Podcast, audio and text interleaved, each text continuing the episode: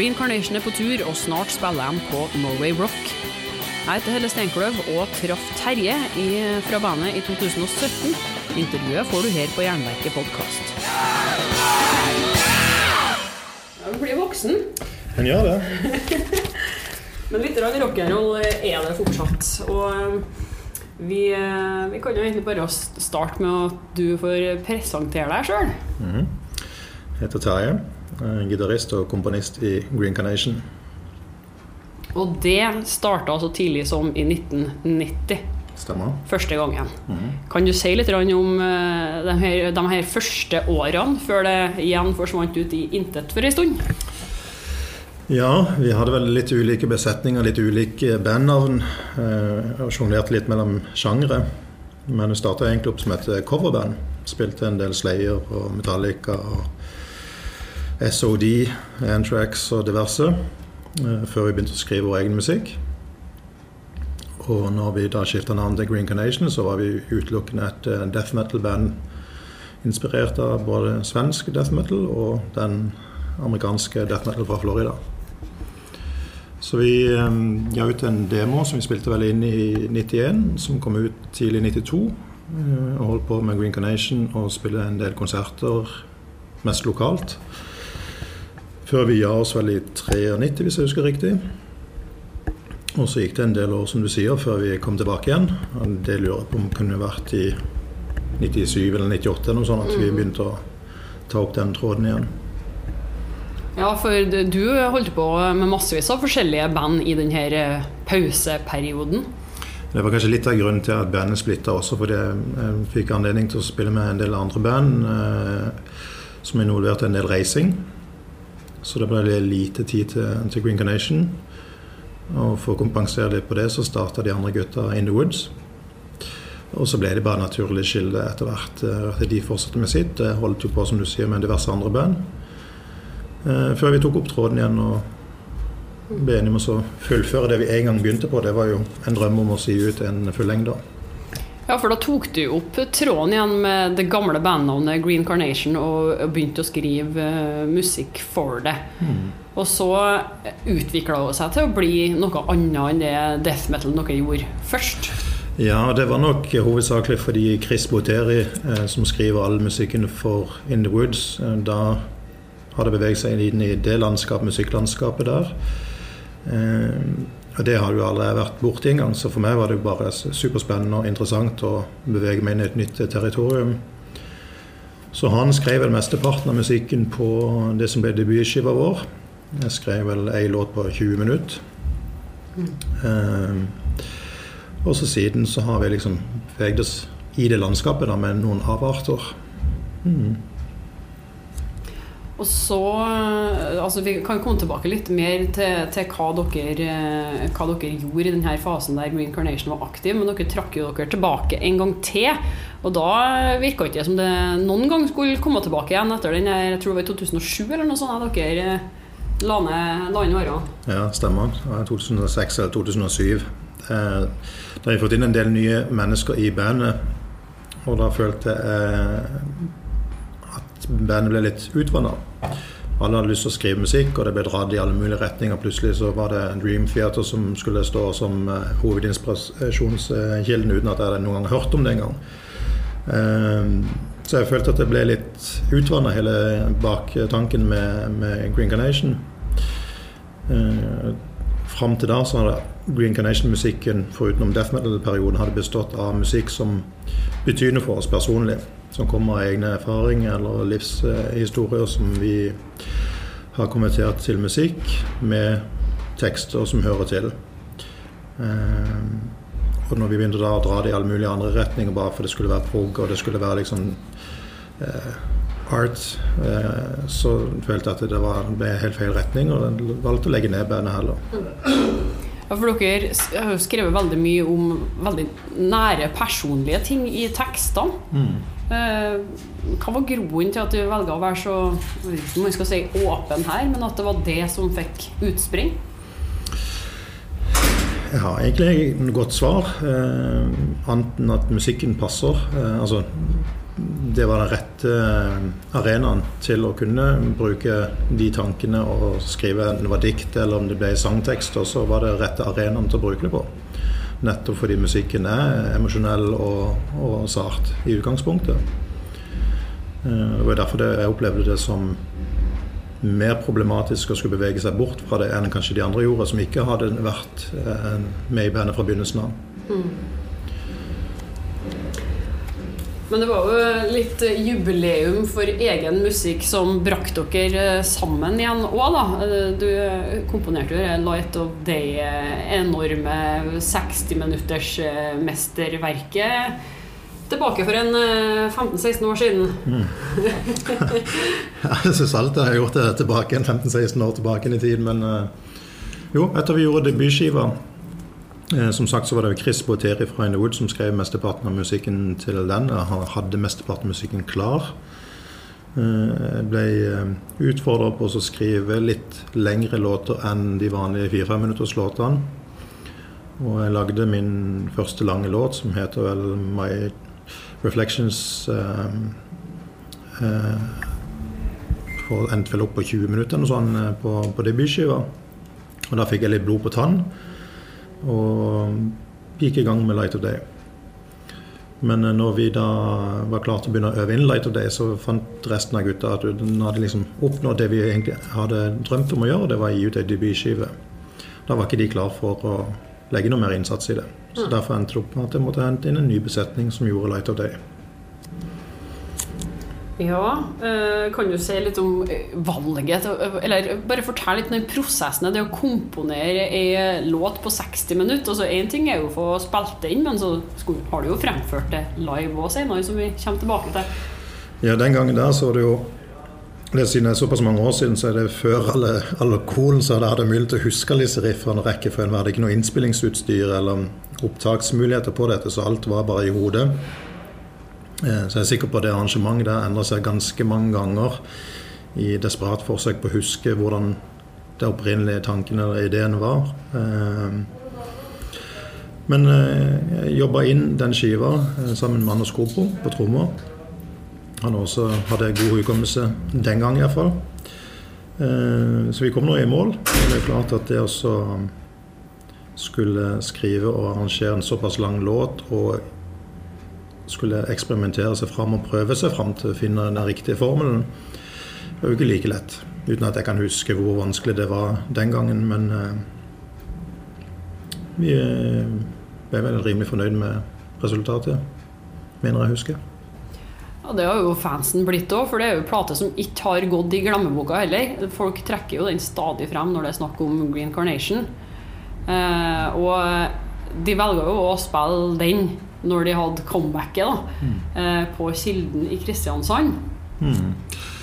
Nei, det har um, alltid overraska meg egentlig hvor mye den skiva har betydd for så mange mennesker. Selv om jeg har vært ute med eh, ekstrembandene mine, enten Carpathian eller Blood Red Throne, så har jeg møtt fans rundt omkring i verden, så det er alltid den de kommer bort for å snakke. altså Light of Day-skiva de kommer bort og, og begynner å ta opp. Og de forteller meg hvor mye det har betydd for dem, eller som de kan relatere til personlige hendelser osv. Så, så, videre. så um, Så når vi skulle da gjøre uh, reunion-biten og spille den uh, jubileumskonserten som vi gjorde med Light of Day, så har det nok en gang overraska meg hvor mye det betyr for folk, og hvilken respons vi har fått når vi har gjort plata. Det har vært over all forventning.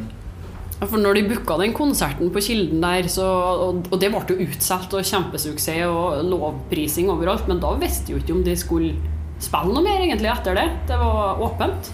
Det var egentlig åpent, fordi avtalen var at vi skulle gjøre eh, de jubileumsshowene. Eh, men så viste det seg det var jo faktisk ganske gøy å komme sammen igjen. Selv om ikke vi var den originale besetninga fra den skiva, så var vi nesten eh, alle sammen hadde vel en ny trommeslager og en ny keyboardist. Um, men vi syntes det var jævlig gøy å spille sammen igjen. Så det gir mersmak. Og nå står vi plutselig her på John D eh, ett år seinere. Nå er det 15-årsjubileum for skiva etter Light of Day. Så nå skal vi ut og fremføre en del fra Blessing, som er vår skive etter Light of Day. I tillegg skal vi presentere to helt nyskrevne låter. Og såpass er det kommet nytt òg. Ja. Men kan du si litt hvordan det har vært å ta frem 'Blessing' igjen, da? Jeg husker faktisk 'Blessing' litt bedre enn Your 'Light of Day', eh, fordi eh, skriveprosessen på 'Blessing' gikk eh, veldig Jeg tror jeg skrev hele 'Blessing', altså det som jeg skrev av 'Blessing', tror jeg skrev på ei uke. Sten Roger, bassisten vår, som ble med på 'Light of Day'-skiva, han hadde studio. Så jeg gikk ned i studio på en mandag. Han spurte meg hvilket tempo skal vi sette det click-tracket på. Nei, jeg vet ikke, prøver 130 i dag. Og så begynte jeg bare å spille. Så teipa vi ei låt, lagde ferdig en preproduksjon av ei låt. Tirsdag, samme. Begynner med blanke ark. Skrev ferdig ei låt. Og så i løpet av ei uke så var den plata ferdig skrevet. Um, ja, det er også en plate som har fått utrolig mye bra tilbakemelding fra både presse og fans. Um, og det er kanskje min favorittplate. Så det å kunne få anledning til å presentere den nå, det setter vi veldig pris på. Det er faktisk så pass interesse av både promotører og folk til å se og høre det albumet der. Det betyr mye for oss. Mm. Ser du for deg at du skal gjøre det samme med de to neste skivene i diskografien òg? Offspring har jeg ikke noe sånn, for da begynte vi å, å endre en stil eh, litt ut av min komfortsone. Så jeg har ikke noe sånn genuint ønske om å måtte gjøre noe jubileum rundt den. Eh, når det gjelder Acoustic Versus, som kommer etter den skiva, så er det en skive jeg setter veldig god, stor pris på. Jeg syns det blir en utrolig bra akustisk eh, plate. Og den har vi egentlig allerede feira, for det har vi gjort 'Under the Dam', som jeg også gitt ut DVD på. Ja, det, men når var 'Under the Dam'? Det begynner å bli en stund siden, det òg nå? Ja, jeg lurer på om vi gjorde det showet der i 2006. Ja, det var rett før de bestemte dere for å ja. avslutte. Mm. Kan du fortelle litt om det Under the Dam? Det var jo ganske morsom greie. hva var det, og hvordan kom påfunnet frem? Ja, må jeg prøve å huske hva denne festivalen heter. Det heter vel Eikerapen eh, Roots eh, Festival. Eh, arrangert av en ildsjel. Eh, som spurte, eller hadde en idé da, om å arrangere noen konserter oppe under en svær demning som tyskerne bygde under annen verdenskrig. Demningen skulle rives noen år seinere. Eh, og mente at det albumet der, presentert der oppe, det var sammen med Mari Boine og et eller annet annet eh, rart, at det var midt i blinken. Jeg var skeptisk som er av natur. Men vi skulle på befaring, husker jeg, der oppe. Og det var jo ikke vei opp engang. Så de måtte kjøre med brøytemaskiner og gravemaskiner og lage eh, vei langt opp i eh, fjellet. Og vi hadde med oss vår egen lysmann, og, som designa lys og scene. Og vår egen lydmann. Og det ble bare en helt sinnssykt magisk eh, konsert. Jeg er så glad vi filma og teipa den konserten, og det ble jo da Under the Dam-DVD-en. Eh, den demninga finnes ikke nå lenger. Vi fikk anledning til å spille der siste året også. Da vi gjorde litt sånn best of-sett med litt forskjellig. Men vi var det første bandet som spilte der, og det siste bandet. Og det var en opplevelse som jeg ser tilbake med glede. Ja, Det høres ganske sjukt ut, egentlig. Spesielt. Jeg mener å huske at det var 600 meter over havet og ganske mange kilometer langt inn på, på fjellet. Og vi eh, var velsigna nok til å ha fans fra Asia, Sør-Amerika, Nord-Amerika og ganske mange land rundt omkring i Europa. Jeg tror de hadde 17 forskjellige nasjonaliteter som fløy til det bare inn for å se den konserten og oppleve den oppe i fjellheimen sammen med oss. Så det var en ganske eh, spesiell opplevelse. Der står dere ganske bra til som norsk band. Altså for at, eh, og når dere hadde Kilden-konserten, så så jeg at det kom fullt av folk fra utlandet. Og da hadde jo ikke dere spilt på nesten ti år. Nei, eh, og det er, det, det er litt av det som trigger oss eh, nå, da. Fordi at vi får, blir stadig minnet på hvor spesielle eh, takknemlige vi skal være overfor fansene. Fordi de alltid har støtta oss, og de har eh, gjort eh, gjort pris på oss med å reise langt for oss å se oss spille. Husker når vi var på USA-turné, så hadde vi en som fløy vel etter bandet i to uker bare for å se alle showene vi gjorde.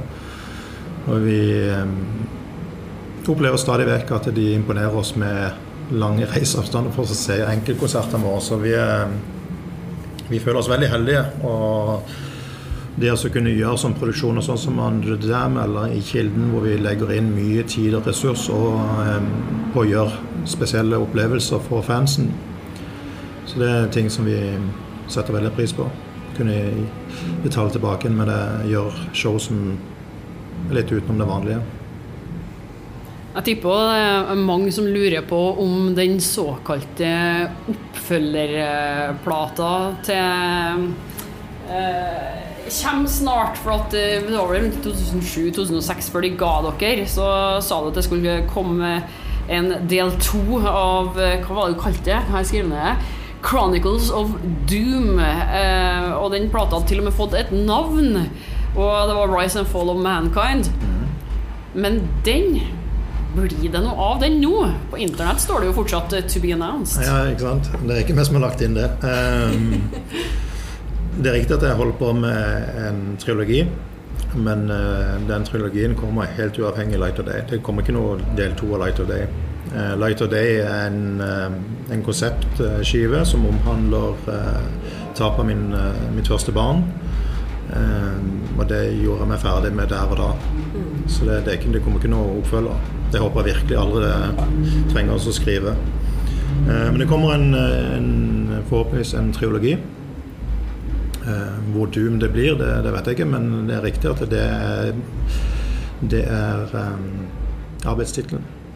Så da er det egentlig starten på en trilogi, og ikke fortsettelsen på noe som har vært? Nei.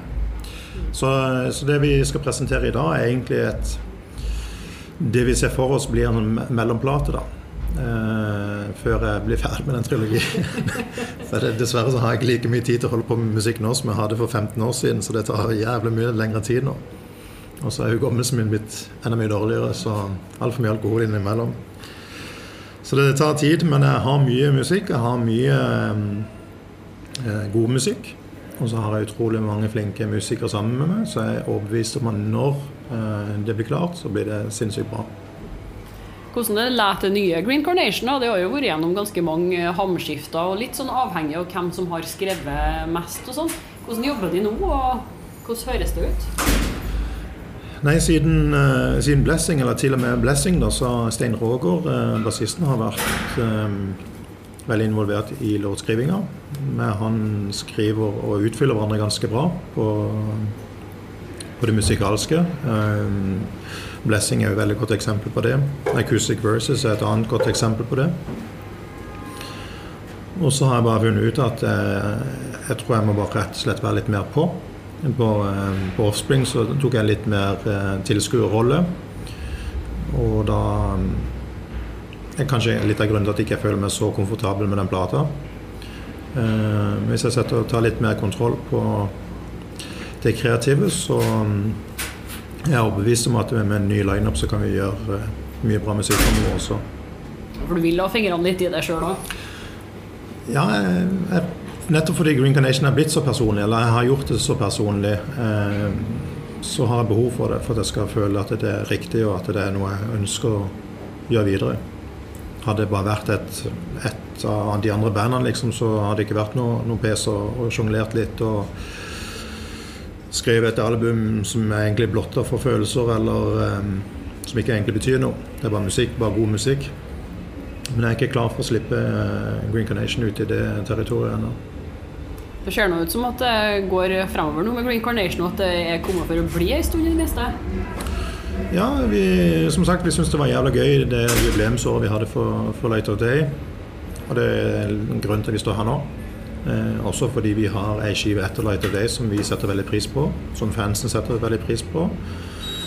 Og vi var jo veldig, vi har vel ut fire skiver på fem år eller sånn, og vi var aktive.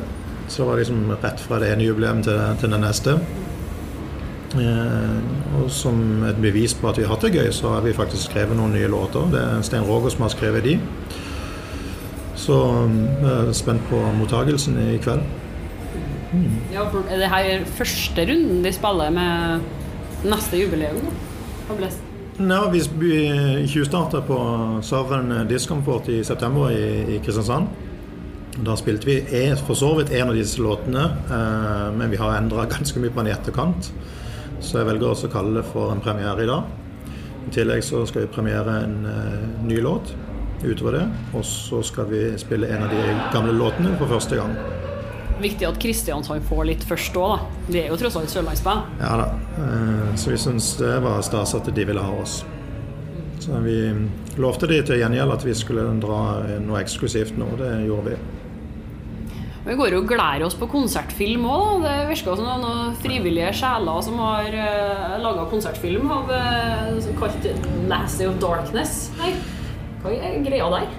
Vi jeg skal innrømme at jeg var ganske skeptisk til hele greia. Eh, men det var også når det gjaldt selve Kilden-konserten, for den ble booka så tidlig. Eh, lenge før vi egentlig fikk noen respons fra publikum. Lenge før vi hadde Eh, gjort den første jubileumskonserten før vi egentlig ante konturen av hvor stort dette kom til å bli. Og Kilden tar vel 1200 mennesker i storsalen, sånn, så det å booke oss inn der, det var ja, litt overkill, eh, syns jeg, da. Eh, det viste seg å bli en suksess, men vi hadde i det året vi var rundt og spilte, i Europa og i USA og Canada, så hadde vi med oss en, eh, en fotograf som filma og gjorde intervjuer med oss og fans underveis. Og som la ned mye tid og ressurser på å filme konserten med jeg husker hvor mange kameraer. Vi teipa det i profesjonelt studio. Og Endre Kirkesola, som produserte Light of Day, har stått bak miksen og mastringa. Mm. Um, og konsertfilmen eh, er bare helt sjukt bra. Det er vilt bra. Så jeg er veldig veldig stolt og glad for at vi valgte å gjøre det. Eller at de overbeviste meg at vi skulle gjøre det. Jeg var kanskje den som trengte mest overbevisning. Ja, For nå har den vært vist frem, det er bare det at det går ikke an å få kjøpt den ennå? Ja. Det er riktig. og Litt av grunnen til at eh, ting har dratt ut i tid nå, det er fordi eh, et plateselskap har ville gi det ut fysisk. Så da man måtte vente litt til man fikk skrevet kontrakt der. Men skiva ble jo gjort med, basert på crowdfunding. Eh, samt noe støtte fra diverse organer. Eh, så crowdfunding-gjengen har fått en digital link og fått anledning til å se den. Eh, Tjuvstarte litt. Og så har vi også hatt en screening i New York nettopp, med presse. Og tilbakemeldingen er ja, de er veldig veldig fornøyd med, med, prosjektet og resultatet. Og vi gleder oss veldig til å kunne slippe det, både digitalt og fysisk. Det høres ikke ut som dere skal få til å gi dere med første gangen her, altså. Nei, nå får vi leve litt på den eh, dokumentaren der og mens vi skriver ny musikk. Og så vi, har vi et år foran oss nå med jubileumskonserter for Blessing. Så iallfall ut året så har dere, eh, må dere regne med oss. Mm.